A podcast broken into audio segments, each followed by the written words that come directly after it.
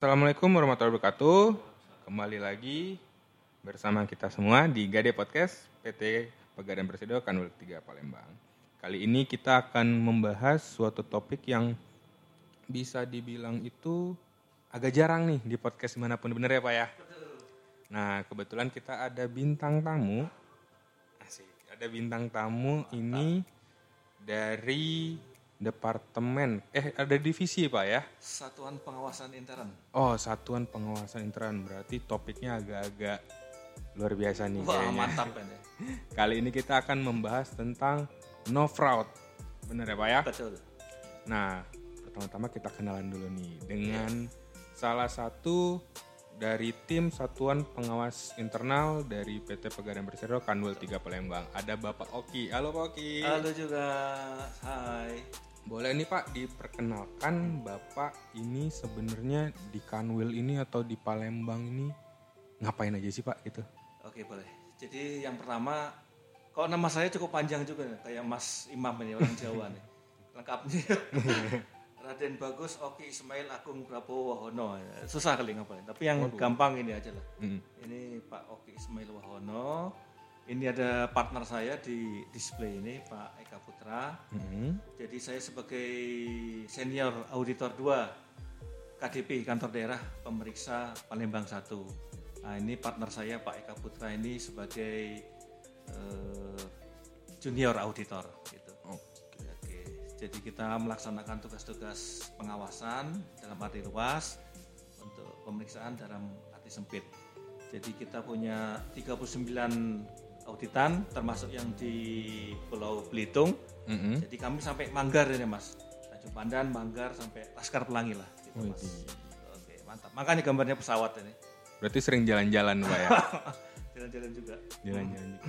Berarti kalau misal kesibukan Bapak selain untuk audit misalnya, kalau kita kan punya banyak cabang nih Pak ya di seluruh Indonesia, Bapak kan kebagian di kantor wilayah 3 yang melingkupi untuk daerah Palembang, Jambi, Lampung, Bangka Belitung, dan Bengkulu, benar ya Pak ya? Betul.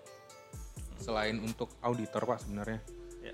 Bapak misalnya tugas-tugasnya itu lebih ke arah mana sih Pak sekarang? Kesibukan-kesibukannya yang lain gitu. Oke. Jadi yang pertama sesuai dengan arahan jadi KSPI Pak Ridwan Ardiansah auditor dituntut sebagai SBP Strategic Business Partner di mana kita juga dituntut untuk sebagai trusted advisor. Jadi kita juga ikut eh, membantu mendorong ikut memberikan support terhadap perkembangan bisnis di Kanwil 3 Mm-mm.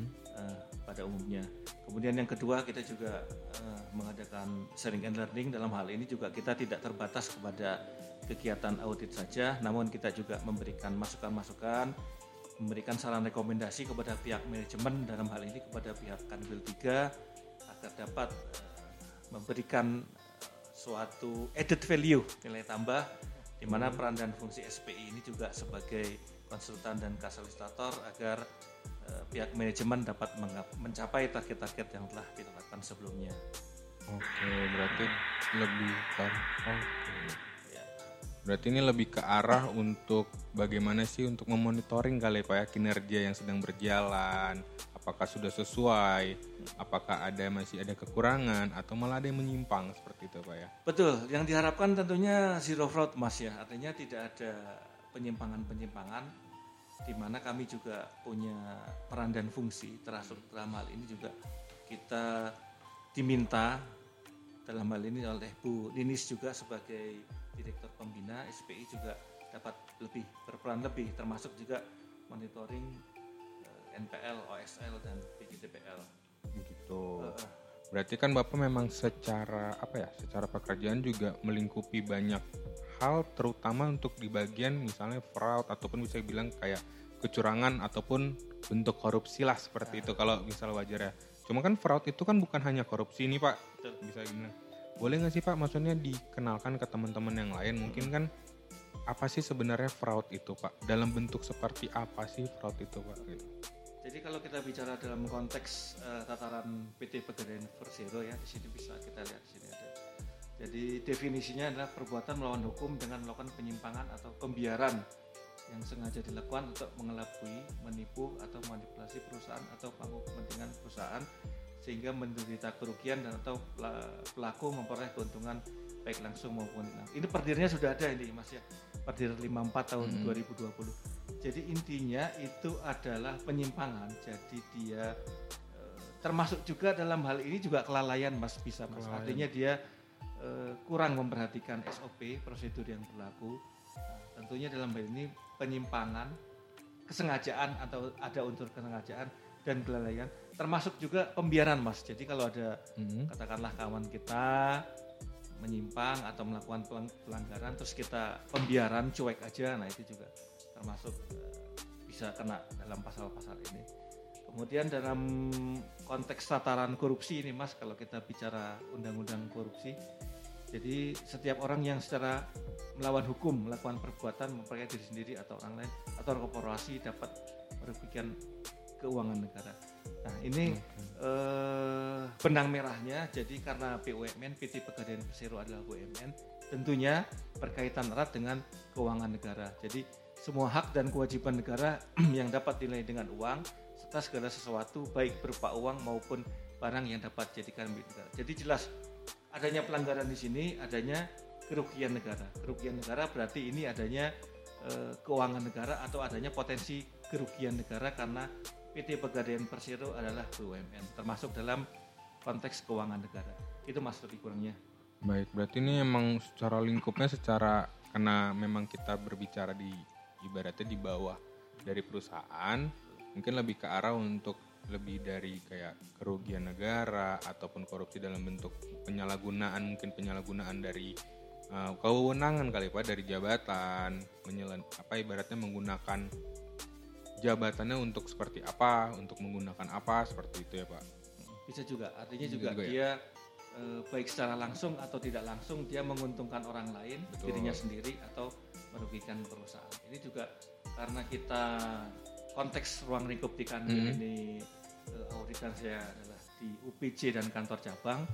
Ini juga mengingatkan kawan-kawan kantor cabang dan UPC juga uh, bahwa memang potensi untuk melakukan fraud itu ada. Artinya yeah. di samping bertambahnya produk-produk eh, PT Pegadaian Persero, dalam hal ini juga ada eh, SDM yang katakanlah masih kurang mengetahui. Mungkin dia hmm. kerjanya sudah benar, mungkin dia sudah baik, tapi mungkin karena dia kurang mematuhi atau paham terhadap SOP, yeah. dia apa sih? Nah itu -hmm. salah satunya peran dan fungsi konsultan dan katalisator SPI bisa bertanya kepada SPI oh, kalau begini apa ini solusinya seperti apa hmm. terus uh, prosedurnya seperti apa lalu bagaimana nanti uh, apa namanya outputnya? Nah, kita bisa melakukan kita juga sering sharing and learning dalam hal ini gitu mas. Jadi untuk membantu kawan-kawan di cabang dan OPC benar. Ini kan lebih kalau misal bapak bilang tadi kan konteksnya dari internal nih pak. Betul betul. Dan kan banyak nih teman-teman yang nonton podcast eh sorry dengerin podcast kita hmm, itu betul. dari misalnya bukan dari pegadaian betul. dari luar. Ada juga beberapa pak. hmm. Karena kan memang kita memang secara apa ya bikin podcast ini bukan hanya untuk ibarat kita jualan enggak. Kita nggak jualan tapi kita memberikan edukasi informasi salah satunya tentang fraud ini. Kalau dari tadi kita kan bicara tentang masalah di internal. Gimana sih kalau misalnya di cabang tadi Bapak bilang tidak belum sesuai dengan SOP ataupun standar operation prosedurnya mungkin kalau misalnya untuk teman-teman lain atau misalnya dia bekerja di perusahaan lain atau misalnya teman-teman masih kuliah nih Pak hmm. gimana sih Pak cara menerapkan secara dini hmm. untuk tidak melakukan fraud karena kan fraud itu kan dari tadi dibilang hmm. banyak kriterianya nih Pak kalau misalnya secara generalnya ataupun tidak dalam konteks perusahaan mana pun gitu ya Pak. Yeah gimana sih Pak cara untuk menerapkannya itu Pak? Ya dalam konteks general ini Mas ya, ya. secara normatif artinya kita kan dalam ruang lingkup bermasyarakat hmm. baik di kantor, di sekolah maupun di kampus tentu kita punya norma-norma dan etika. Nah, hmm. Nah itu eh, pertama tentu patuhi norma etika termasuk kita kuliah contohnya misalnya eh, anak saya kuliah di MDP lah katakan hmm. gitu. Tentu dia harus punya ketentuan, punya aturan. Dia kapan harus proses presensi misalnya. Misalnya jam 8 pagi dia harus sudah siap harus standby di kampus atau selama pandemi ini ada uh, online kan daring dalam benar, jaringan. Nah, dia harus uh, disiplin tepat waktu kapan dosennya uh, minta mulai kelas online kapan berakhir. yang kedua juga katakanlah ada katakanlah ujian-ujian termasuk dalam hal ini katakanlah misalnya alhamdulillah anak saya udah selesai udah wisuda tentunya katakanlah membuat skripsi lah. Nah, membuat skripsi tentu di situ ada norma etika, ada ketentuan yang harus dipatuhi. Misalnya dilarang menjiplak atau plagiat atau di situ katakanlah dia harus punya eh, suatu ide-ide tertentu, harus punya eh, apa katanya format konsep-konsep tertentu yang bisa dia sampaikan tanpa menjiplak karya atau skripsi orang lain. Nah, Ya, itu benar. dalam konteks kampus atau mahasiswa di MDP seperti itu. Nah, itu lebih kurangnya seperti ini, Mas. Kalau dalam kantor atau masyarakat luas ya tentunya kita kehidupan norma etika beragama termasuk dalam konteks eh, undang-undang kita punya undang-undang dasar, punya undang-undang, punya peraturan pemerintah. Nah, itu yang tentunya harus kita laksanakan. Nah, tentunya jika melanggar, katakanlah jika kata anak saya misalnya bagus itu melanggar ketentuan di kampusnya MDP, tentunya ada sanksi. Nah, ini. Mm. jadi kita harus harus memperhatikan di sini bahwa eh, setiap pelanggaran atau fraud kasus kecurangan pasti ada sanksinya. Nah, ini tentunya menjadi semacam suatu eh, peringatan kepada kita semua agar kita selalu taat pada aturan. Itu aja intinya, Mas. Siap, siap. Berarti memang harus apa ya? Ketika pun kita bermasyarakat, bersosialisasi, terutama teman-teman yang misalnya masih kuliah, tidak boleh namanya plagiat itu nggak boleh pak ya. Harus Betul. karya sendiri, Betul. karena kan karya tulis mereka itu adalah bukan hanya syarat tulus, tetapi di situ gimana sih pola pikir kita kita tuangkan semua di situ benar ya, iya. Pak ya. Nah, jadi ada idealisme, ada otentik, ada Betul. keaslian lah Iya. aslinya Mbak. Saya juga tanya, Gus kamu konsepnya seperti apa? Oh saya pengennya begini, begini, gini. Jadi buatlah sendiri. Ya alhamdulillah sudah lulus. Betul. Cuman karena pandemi aja jadi nggak ada foto-foto wisudanya gitu aja Mas. Nah, Oke, berarti kan itu untuk secara bermasyarakat tadi. Iya. Karena banyak ya Pak. Mungkin ini agak-agak nyambung di sini sebenarnya. mm-mm. Kalau dari pegadaian nih Pak, Iya. eh, saya mau nanya, ketika saat ini Mm-mm. kan memang sudah ada banyak misalnya kegiatan ataupun program-program yang dibuat untuk eh, tidak terjadinya fraud. Betul. Mungkin itu kan masih apa ya? Ada program-program yang masih agak konven atau Iya. gimana? Ha-ha. Tapi semakin bertahun apa maksudnya? Setiap tahun kan pasti ada pengembangan. Betul. Mungkin pengembangan yang sangat signifikan itu Hmm. pengembangan seperti apa sih Pak yang sudah terjadi di Pegadaian? Ya, jadi eh, yang pertama bahwa yang paling signifikan itu menurut hemat saya eh, kita melakukan analisa data, Mas. Jadi Mhm. mungkin ini konteksnya agak agak ini ya, agak, agak sempit konteks agak perusahaan, tapi Mhm. secara general ini bisa di, di dipahami. Jadi analoginya seperti ini, Mas. Dokter katakanlah, misalnya Mhm. ya, misalnya sekarang eh, wabah pandemi COVID-19 ada termogan, ada cuci tangan, terus mungkin katakanlah misalnya di sini, Iya. ini contohnya misalnya Mm. Katakanlah misalnya Pak Eka Putra ini sakit, tentu Mm. kan didiagnosa kan Iya, oleh benar. dokter. Ada rapid test, ada swab test dan alhamdulillah negatif sehat. Nah lebih kurang seperti itu mas. Jadi yang paling signifikan di antaranya untuk manajemen anti fraud ini eh, analisa data. Artinya eh, pihak SPI katakanlah ini satuan pengawasan intern dalam konteks arti sempit sebagai watchdog lah katakanlah Mhm. gitu ya mas ya. Kita melakukan suatu teknik analisa data yang diambil dari patient dan MIS di mana kita diharapkan dapat melakukan pencegahan itu mas satu mas. Jadi sebelum dia berakumulasi semakin besar, tentu dalam konteks inilah ya konteks SPI ya, kita harus bisa mendapatkan simptom. Simptom itu gejala-gejala seperti misalnya Mm-mm. kan apa batuk atau demam atau apa yang Oh. katakanlah gejala-gejala COVID ya. Tapi Ya. belum tentu COVID kan. Nah, Betul.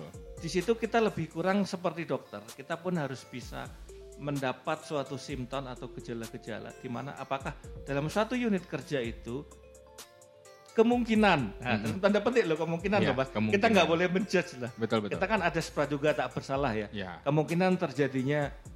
Kita masuk ke sana dan alhamdulillah tidak terjadi apa-apa. Itu Mas satu. Tapi seben- sebenarnya esensinya pencegahan itu kan dimulai dari kita diri sendiri. Jadi ada tiga layer Mas. Three line of defense. Yang pertama itu yang eh, risk owner, Mm-mm. pemangku owner ya, resikonya. Kawan-kawan kita di cabang dan UPC sebenarnya mudah. Kenapa mudah? Sebenarnya SPI itu nggak perlu kan? Iya. Nggak perlunya gimana? Kalau mereka sudah kerja sesuai SOP, mereka sudah bekerja dengan baik dan benar, tidak melakukan pelanggaran gitu kan? Nah di sini SOP, eh, maksud saya SPI bisa lebih berpikir untuk membantu manajemen bagaimana sih caranya untuk meningkatkan produktivitas satu itu contohnya. Iya. Yang kedua, toh kalau toh misalnya, misalnya katakanlah terjadi kasus pelanggaran fraud atau satu unit kerja, kita masuk ke sana, kita sudah mendeteksi, kita sudah mempunyai simptom data-data yang valid dan relevan bahwa jika memang di situ ada fraud, kita masuk ke sana itu belum terakumulasi semakin besar. Artinya katakanlah misalnya dalam eh, konteks ini yang misalnya ya kita berandai-andai katakanlah masih masih 20 atau 30 juta. Jadi tidak membesar, tidak terakumulasi sekian miliar. Jadi itu adalah eh, konteks eh, kuratif sebenarnya Mas. Tapi yang lebih kita kedepankan di sini adalah preventif gitu. Contohnya ya seperti ini, kita podcast ini termasuk katakanlah saya yang generasi kolonial ini ya. Kalau Mas ini milenial, saya juga bingung ditawari sama Bang Fauzan. Ini Pak Oki ada fasilitas podcast live. Ini apa? Nah, termasuk kita di sini kan oh kita belajar kita sama-sama termasuk live IG ini. Kita juga salah satunya adalah pencegahan. Lalu ada pendeteksian seperti kita juga sampaikan tadi. Jika memang salah satu unit kerja terdapat simptom atau gejala fraud, kemudian yang kita melakukan investigasi itu katakanlah eh, seberapa besar kerugian perusahaan atau katakanlah investigasi sebenarnya itu akar penyebabnya itulah mas yang penting. Poin ketiga ini root cause analisisnya itu apa? Akar permasalahan itu sebenarnya apa sih?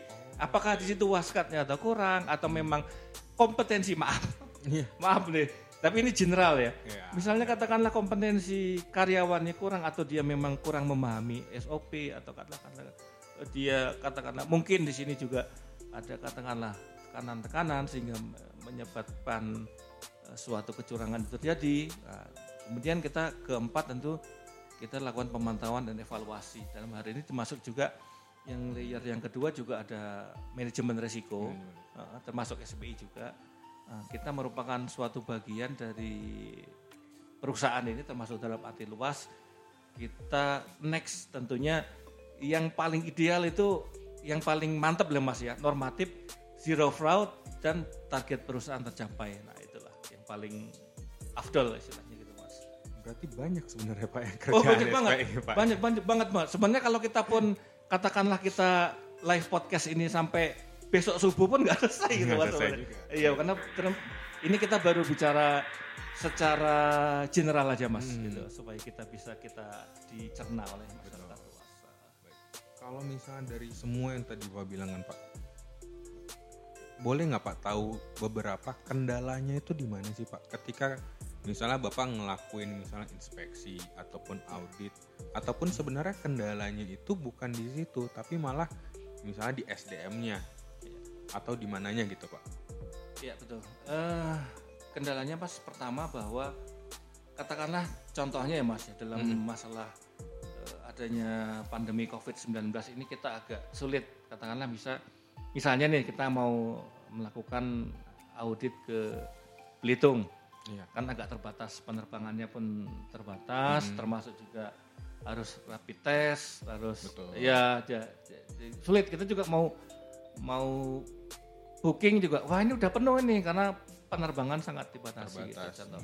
Itu yang kedua termasuk juga eh, kendala-kendalanya juga eh, sebenarnya dalam konteks analisa beban kerja itu walaupun sekarang sudah ada ADP Lampung 2 Mas ya itu 39 auditan itu relatif banyak itu Mas.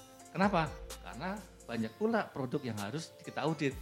Ya, kreasi kreasi juga macam-macam kan ada kreasi baru, kreasi multiguna, ada UMI, ada rahantas di tanah, ada amanah, termasuk yang baru ini kan ada KCA UMI, ya, itu termasuk juga eh, katakanlah kendala.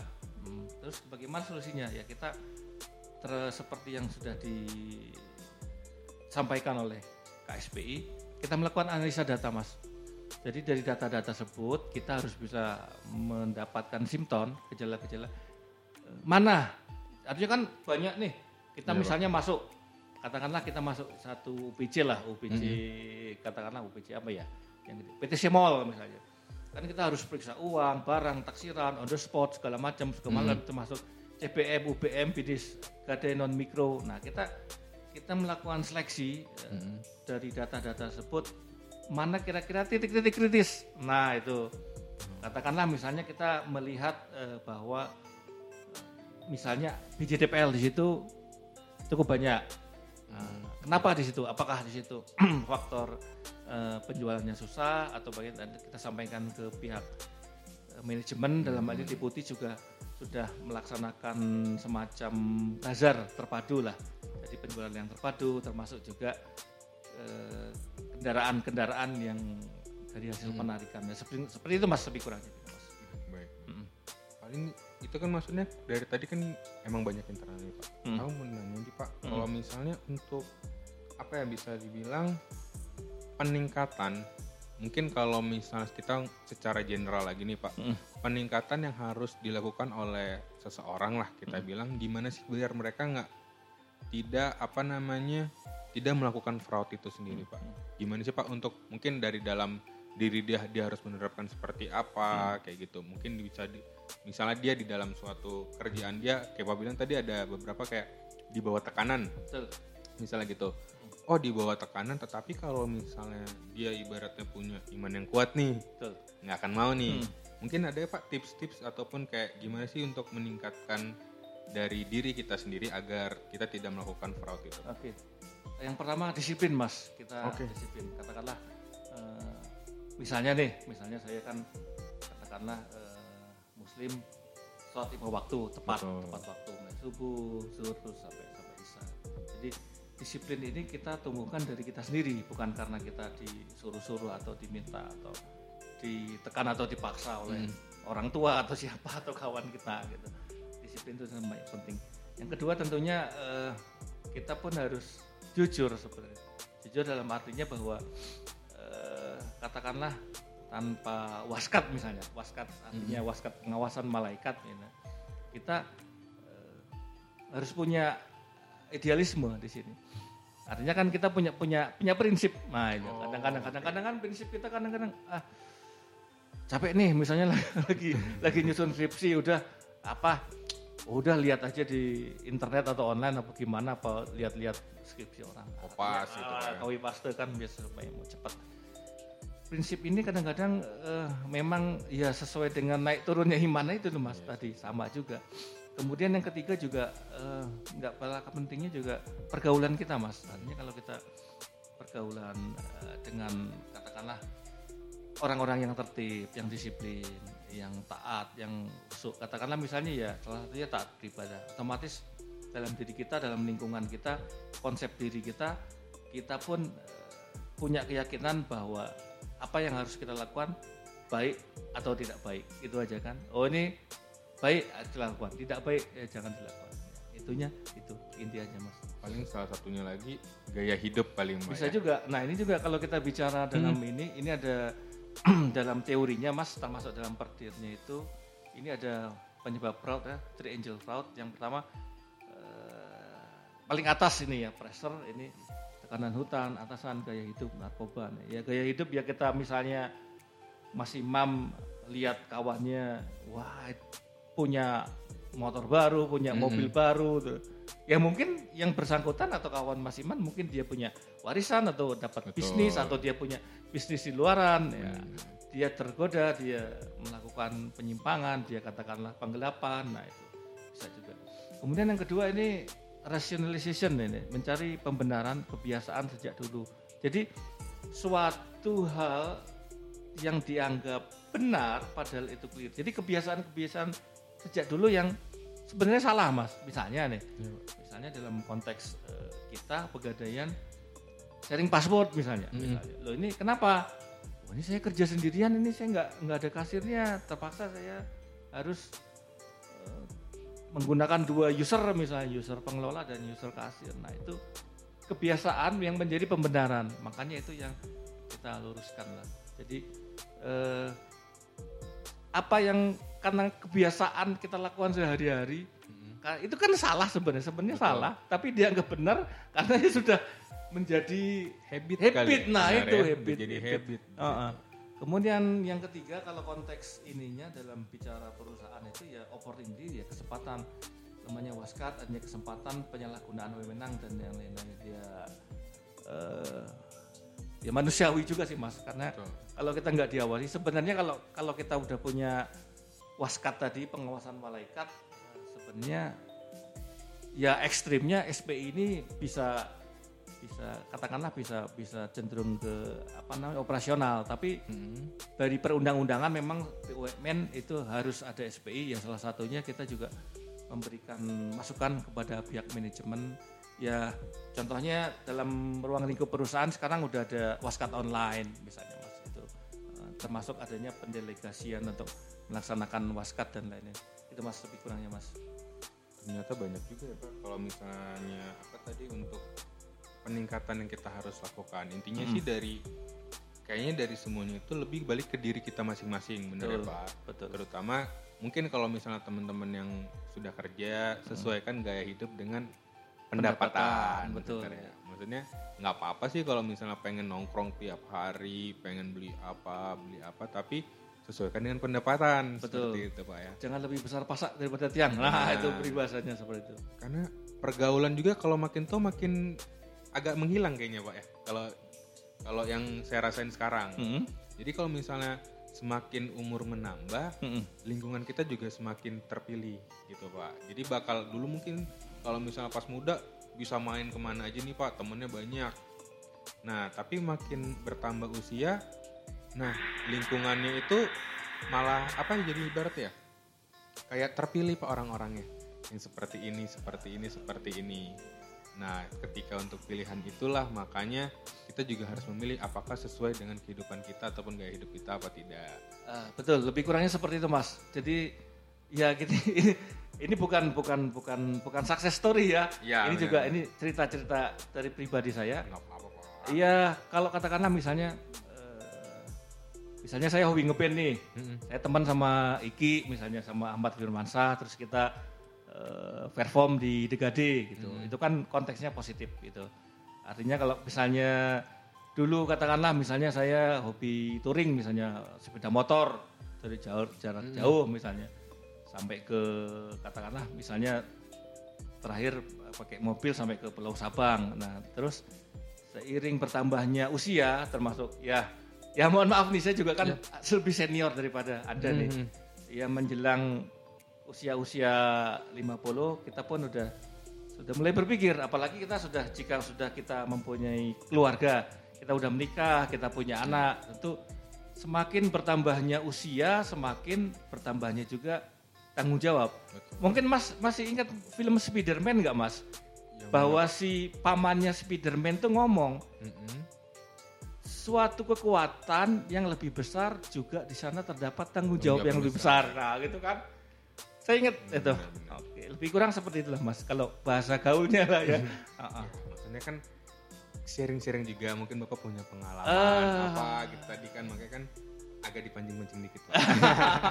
Ya lebih kurang seperti itu. Memang apalagi usia-usia saya nih ya kebetulan ya ya mohon maaf juga katakanlah eh, ada teman-teman seangkatan saya yang almarhum yang sudah meninggal. Itu kan saya juga harus introspeksi, harus mau sendiri. Wah ini toh siapa sa- suatu waktu gitu kan yang namanya ajal kan nggak tua yang nggak muda deh. Saya juga kebetulan sudah sudah katakanlah mau masuk usia yang agak tua gitu lah Mm-mm. harus mulai berpikir katakanlah ya untuk persiapan untuk ke akhirat gitu. Lebih kurang seperti itulah Mas. Mungkin kita mau ngeliat dulu kali ya Pak ya. hmm, boleh? Bapak kan kita kan lagi live Instagram nih Pak. Hmm, boleh. Di Instagramnya Bapak. Ah, ah. Kita lihat mungkin audiens ada yang mau nanya apa gitu kali Pak ya. Ah, boleh? Yuk kita. boleh ah, boleh lihat dulu. Silakan Mas, mungkin sudah ada di situ. Ah, coba. Udah ada belum? Jo. An, coba lihat An, ada nggak di situ? Ah, ah. banyak Mas ya. Ah, ah. Boleh Mas.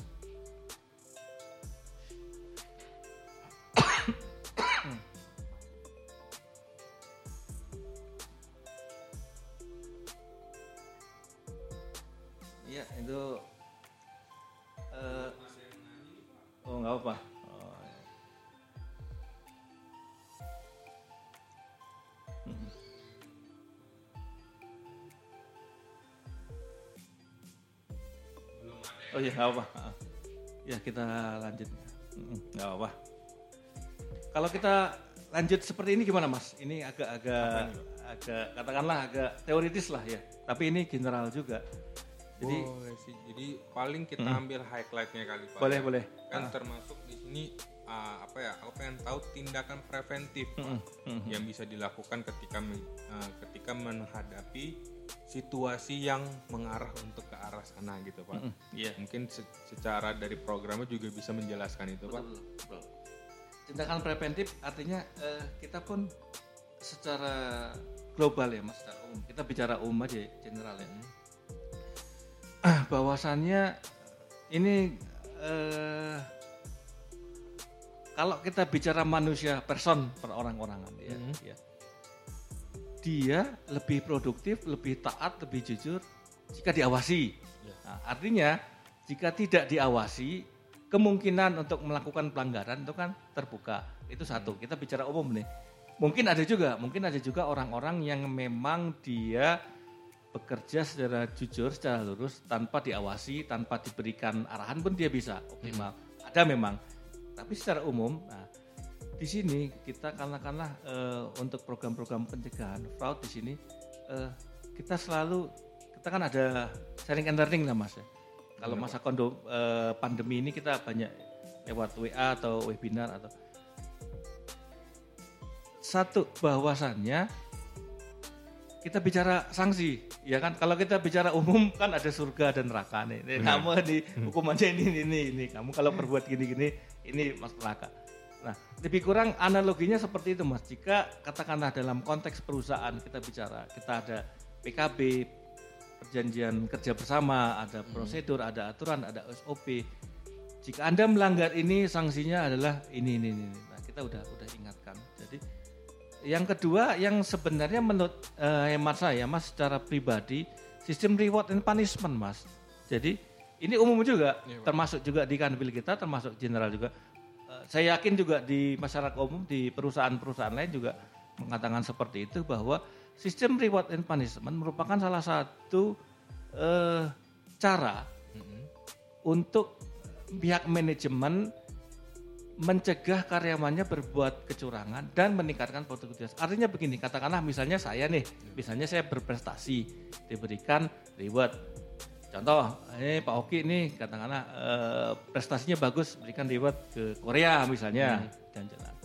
Tapi bagi pegawai katakanlah, pegawai yang melanggar, katakanlah dia eh, taksiran tinggi, kecurangan, apalagi penggelapan gitu kan, pemasuhan, wah itu udah pokoknya yang berat-berat udah jelas di situ dalam PKB. Ini juga eh, ruang lingkupnya seharusnya ada ini ya sudah dilaksanakan apa namanya sosialisasi PKB. Di situ udah jelas.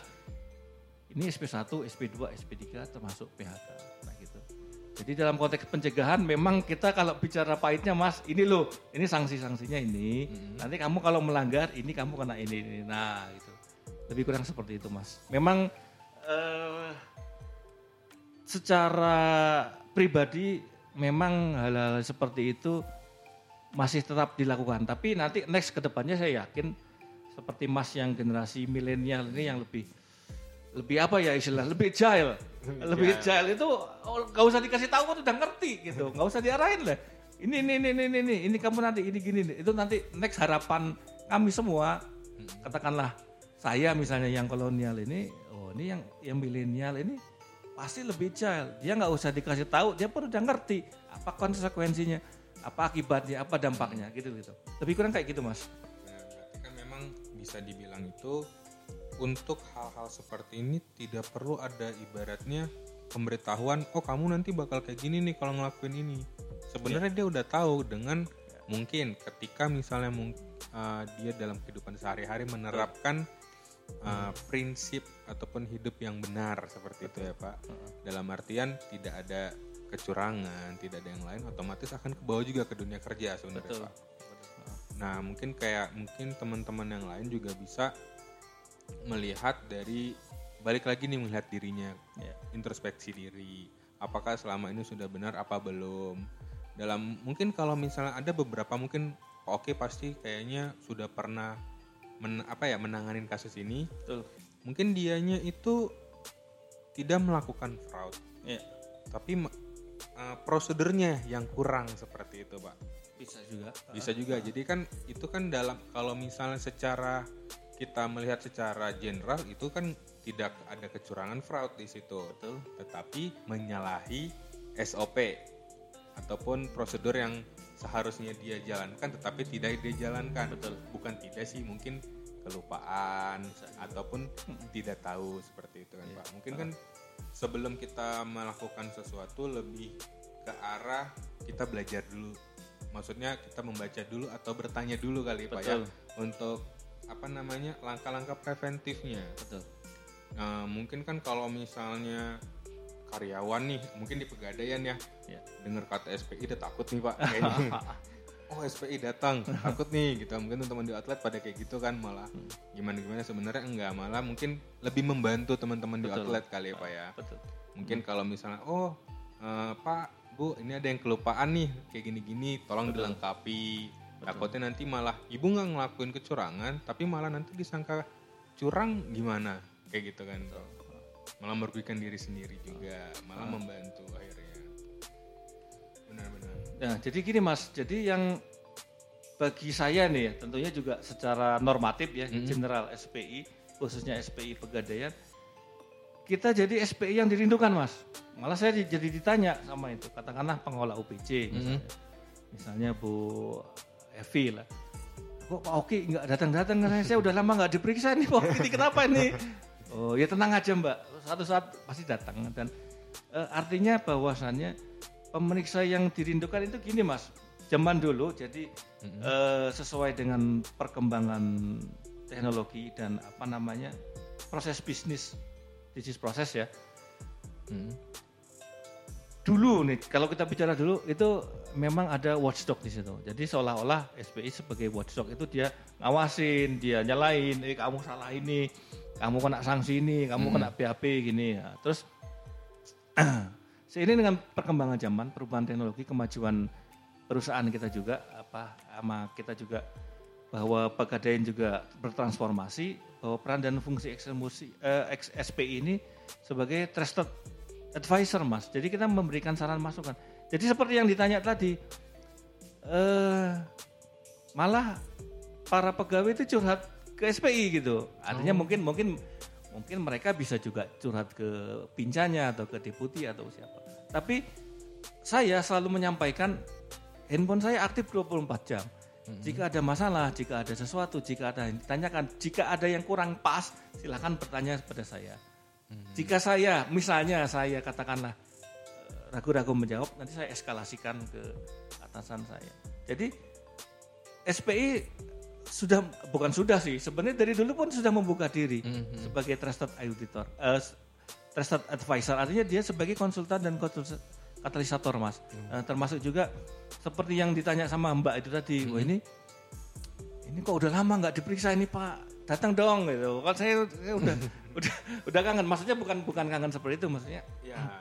eh mungkin dia sudah terpola, terjadwal. Eh, ini SPI ini satu tahun datang dua kali. Kok ditunggu-tunggu sampai nggak datang datang? Nah itu harus harus dirubah mindsetnya, bukan kayak gitu lagi. Jadi secara ekstrim mas, begini mas, dengan pengolahan data, katakanlah misalnya satu unit kerja A, jika kita menilai dari analisa data terdapat potensi fraud di situ, bisa berulang kali kita periksa, bahkan bisa tiap bulan atau tiga, bahkan tiap minggu kita kunjungi.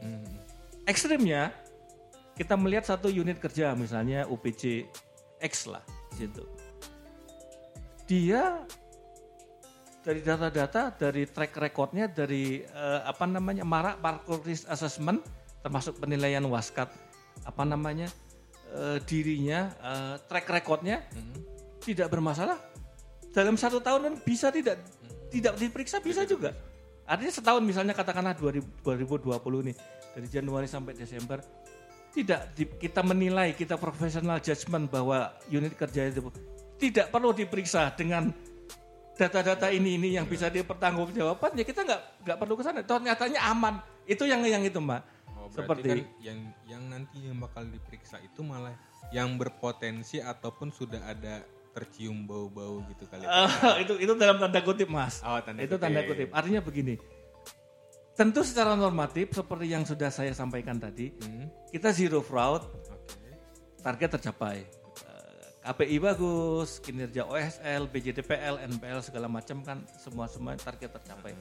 Artinya RKAP tercapai, zero fraud. Itu tapi eh, faktanya memang masih ada. Kita nggak kalau kita bicara nasional ya, wah banyak lagi lah mas, mas. Apalagi nasional kan itu kan isu-isu politik lah.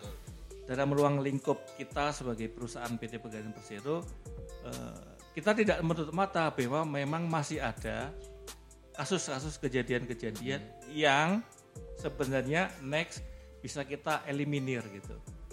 Eh, entah kita sampaikan ke, kepada manajemen ter- tentang perbaikan SOP, kita tidak menutup mata. Memang ada SOP, ada peraturan-aturan, ada prosedur yang memang konteksnya harus diperbaiki misalnya. Itu ada juga. Termasuk juga kalau kan dari segi SDM-nya, katakanlah misalnya dari track recordnya, misalnya nih, yang pegawainya bagus, track recordnya tidak bermasalah, jujur, dedikasi, diberi seperti misalnya Pak Pinwil Palembang ini, Perdir 22 apa yang pegawai berprestasi bisa diberikan eh, reward, penghargaan. Lebih kurang seperti itu lah, Mas. Nah, Berarti kan maksudnya banyak juga nih Pak selain untuk tidak apa ya agar kita tidak melakukan kecurangan juga pasti ada salah satunya juga dibentuk reward Betul. dengan kinerja yang baik Nah, otomatis kita mendapatkan reward bukan hanya pujian tapi juga ada beberapa misalkan liburan, Betul. refreshing ataupun uh, hadiah-hadiah lainnya seperti itu. betul. Baik nih. Tadi dengar-dengar katanya Pak Oki mau ngasih giveaway nih sama penonton yang di Instagram.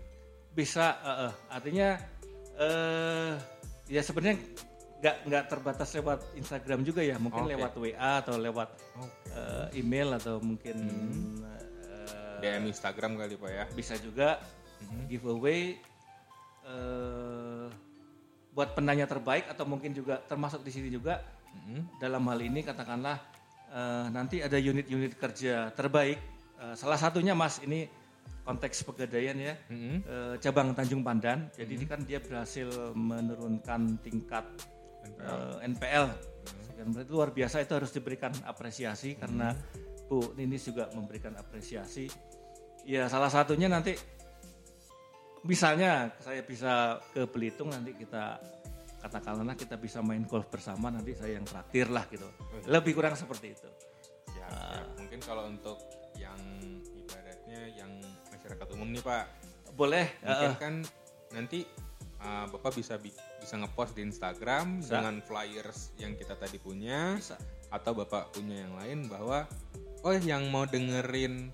Nanti kan ini kan bakal tayang di Spotify nih Pak. Betul. Rekaman kita ini. betul. Nah nanti kalau yang pengen dapat hadiah boleh nih nanya-nanya. Boleh. tinggal di kolom komen. Tapi dengerin dulu kan jadi kan tahu nih apa Betul. yang pengen ditanya mungkin ada penasaran nanti Betul. bisa di Hmm, kita kumpulin tuh Pak. Oki kumpulin di komennya Pak Betul. Oki betul. dipilih mana penanya terbaik nanti langsung mention ke orangnya. Betul. Heeh. Betul. mungkin boleh Pak eh, Instagramnya nama akunnya apa Pak? Instagram Pak Oki Wahono biasa tanpa spasi. Oki O K I Wahono. Wahono tanpa spasi huruf kecil semua. Betul. Oke. Oke, Heeh. mungkin teman-teman nanti yang pengen nanya-nanya terkait dengan sebenarnya bukan hanya kalau Pak Oki ini kan banyak nih nggak terkait dengan fraud aja. Hmm, hmm. Boleh tentang tentang hal-hal ini boleh Pak ya nanya-nanya di situ. boleh ya. boleh Boleh DM langsung Pak Oki.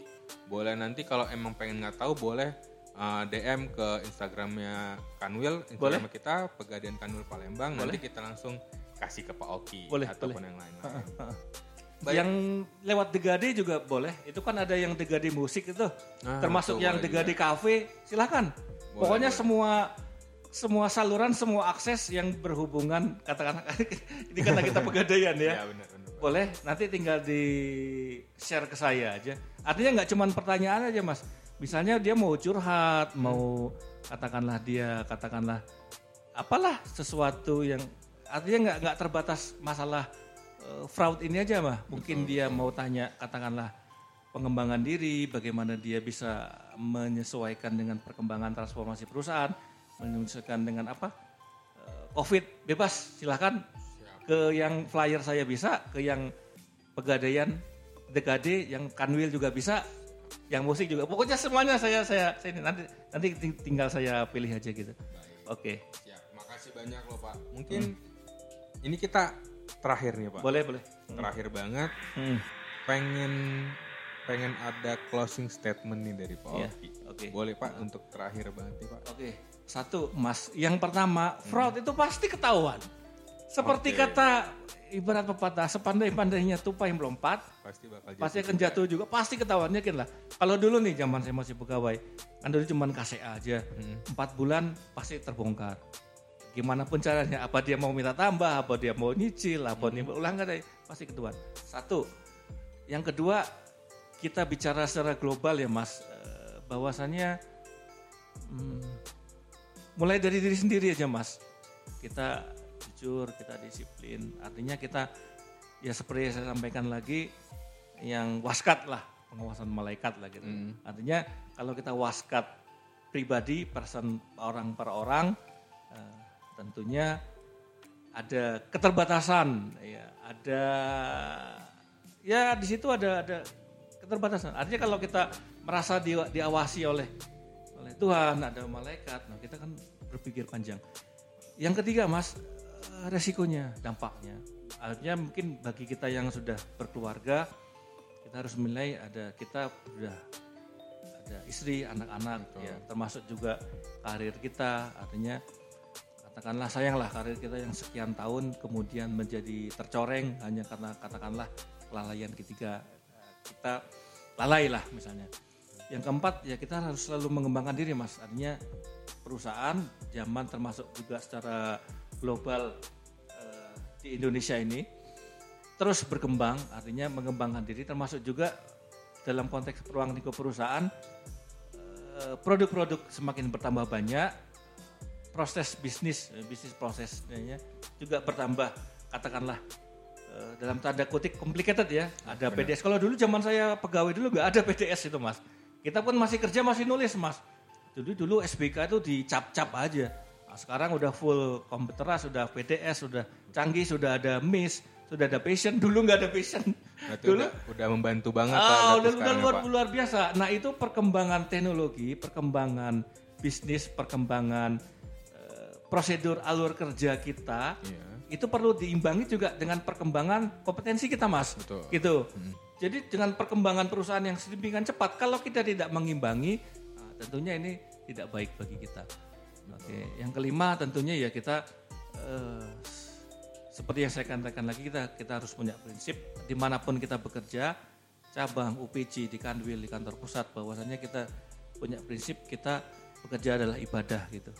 Nah, mudah-mudahan dengan demikian ini SPI Satuan Pengawasan Intern juga salah satunya kita mengadakan podcast ini tindakan tindakan pencegahan kita mengingatkan lah mas intinya Betul. kita mengingatkan ini loh resiko-resiko dampaknya akibatnya. Dan yang terakhir ya saya sependapat dengan manajemen bahwa sistem reward and punishment ini merupakan salah satu mekanisme Hmm. terbaik. Kalau memang pegawai itu berprestasi diberi reward ya bonus ya diberi jalan-jalan diberi kesempatan untuk promosi. Nah itu kan penting itu. Dan pegawai yang yang melanggar pegawai yang nakal ya harus dijewer. Dijewer ya harus diberikan sanksi. Itu salah satu oke mas Baik, terima kasih Pak Oki. Udah banyak banget nih ilmu-ilmu yang diberikan oleh Pak Oki dari awal, bukan hanya tentang terkait fraud, tapi juga ada tadi beberapa tentang pengembangan diri, cara menerapkan juga di kehidupan bermasyarakat bagaimana. Semoga mungkin banyak banyak yang lebih menyerempet ke arah internal sebenarnya Pak ya. Cuman nggak apa-apa karena memang uh, dari fungsi dari SPI ini emang untuk internal. Cuman kita juga mau sharing ke teman-teman Betul. selain di pegadaian biar apa? Tidak bukan tidak sih maksudnya semua perusahaan pasti menerapkan hal yang sama. Mungkin hanya berbeda-beda caranya aja. Tapi intinya semua perusahaan tidak mau ada kecurangan di dalam perusahaan untuk karyawannya. Kalau emang yang pengen ibaratnya pengen liburan, pengen beli apa, nabung dong. Betul. Nabung mas, nah, Nah, yang penting nabung nabung nabung mas. Gitu. Nah. Harganya pasti naik nanti di belakangnya Pak ya. Jadi gini mas, dulu waktu saya nikah nih, saya nikah tahun 1996 ya, Hmm. satu suku 6,6 gram itu hanya 125 ribu mas.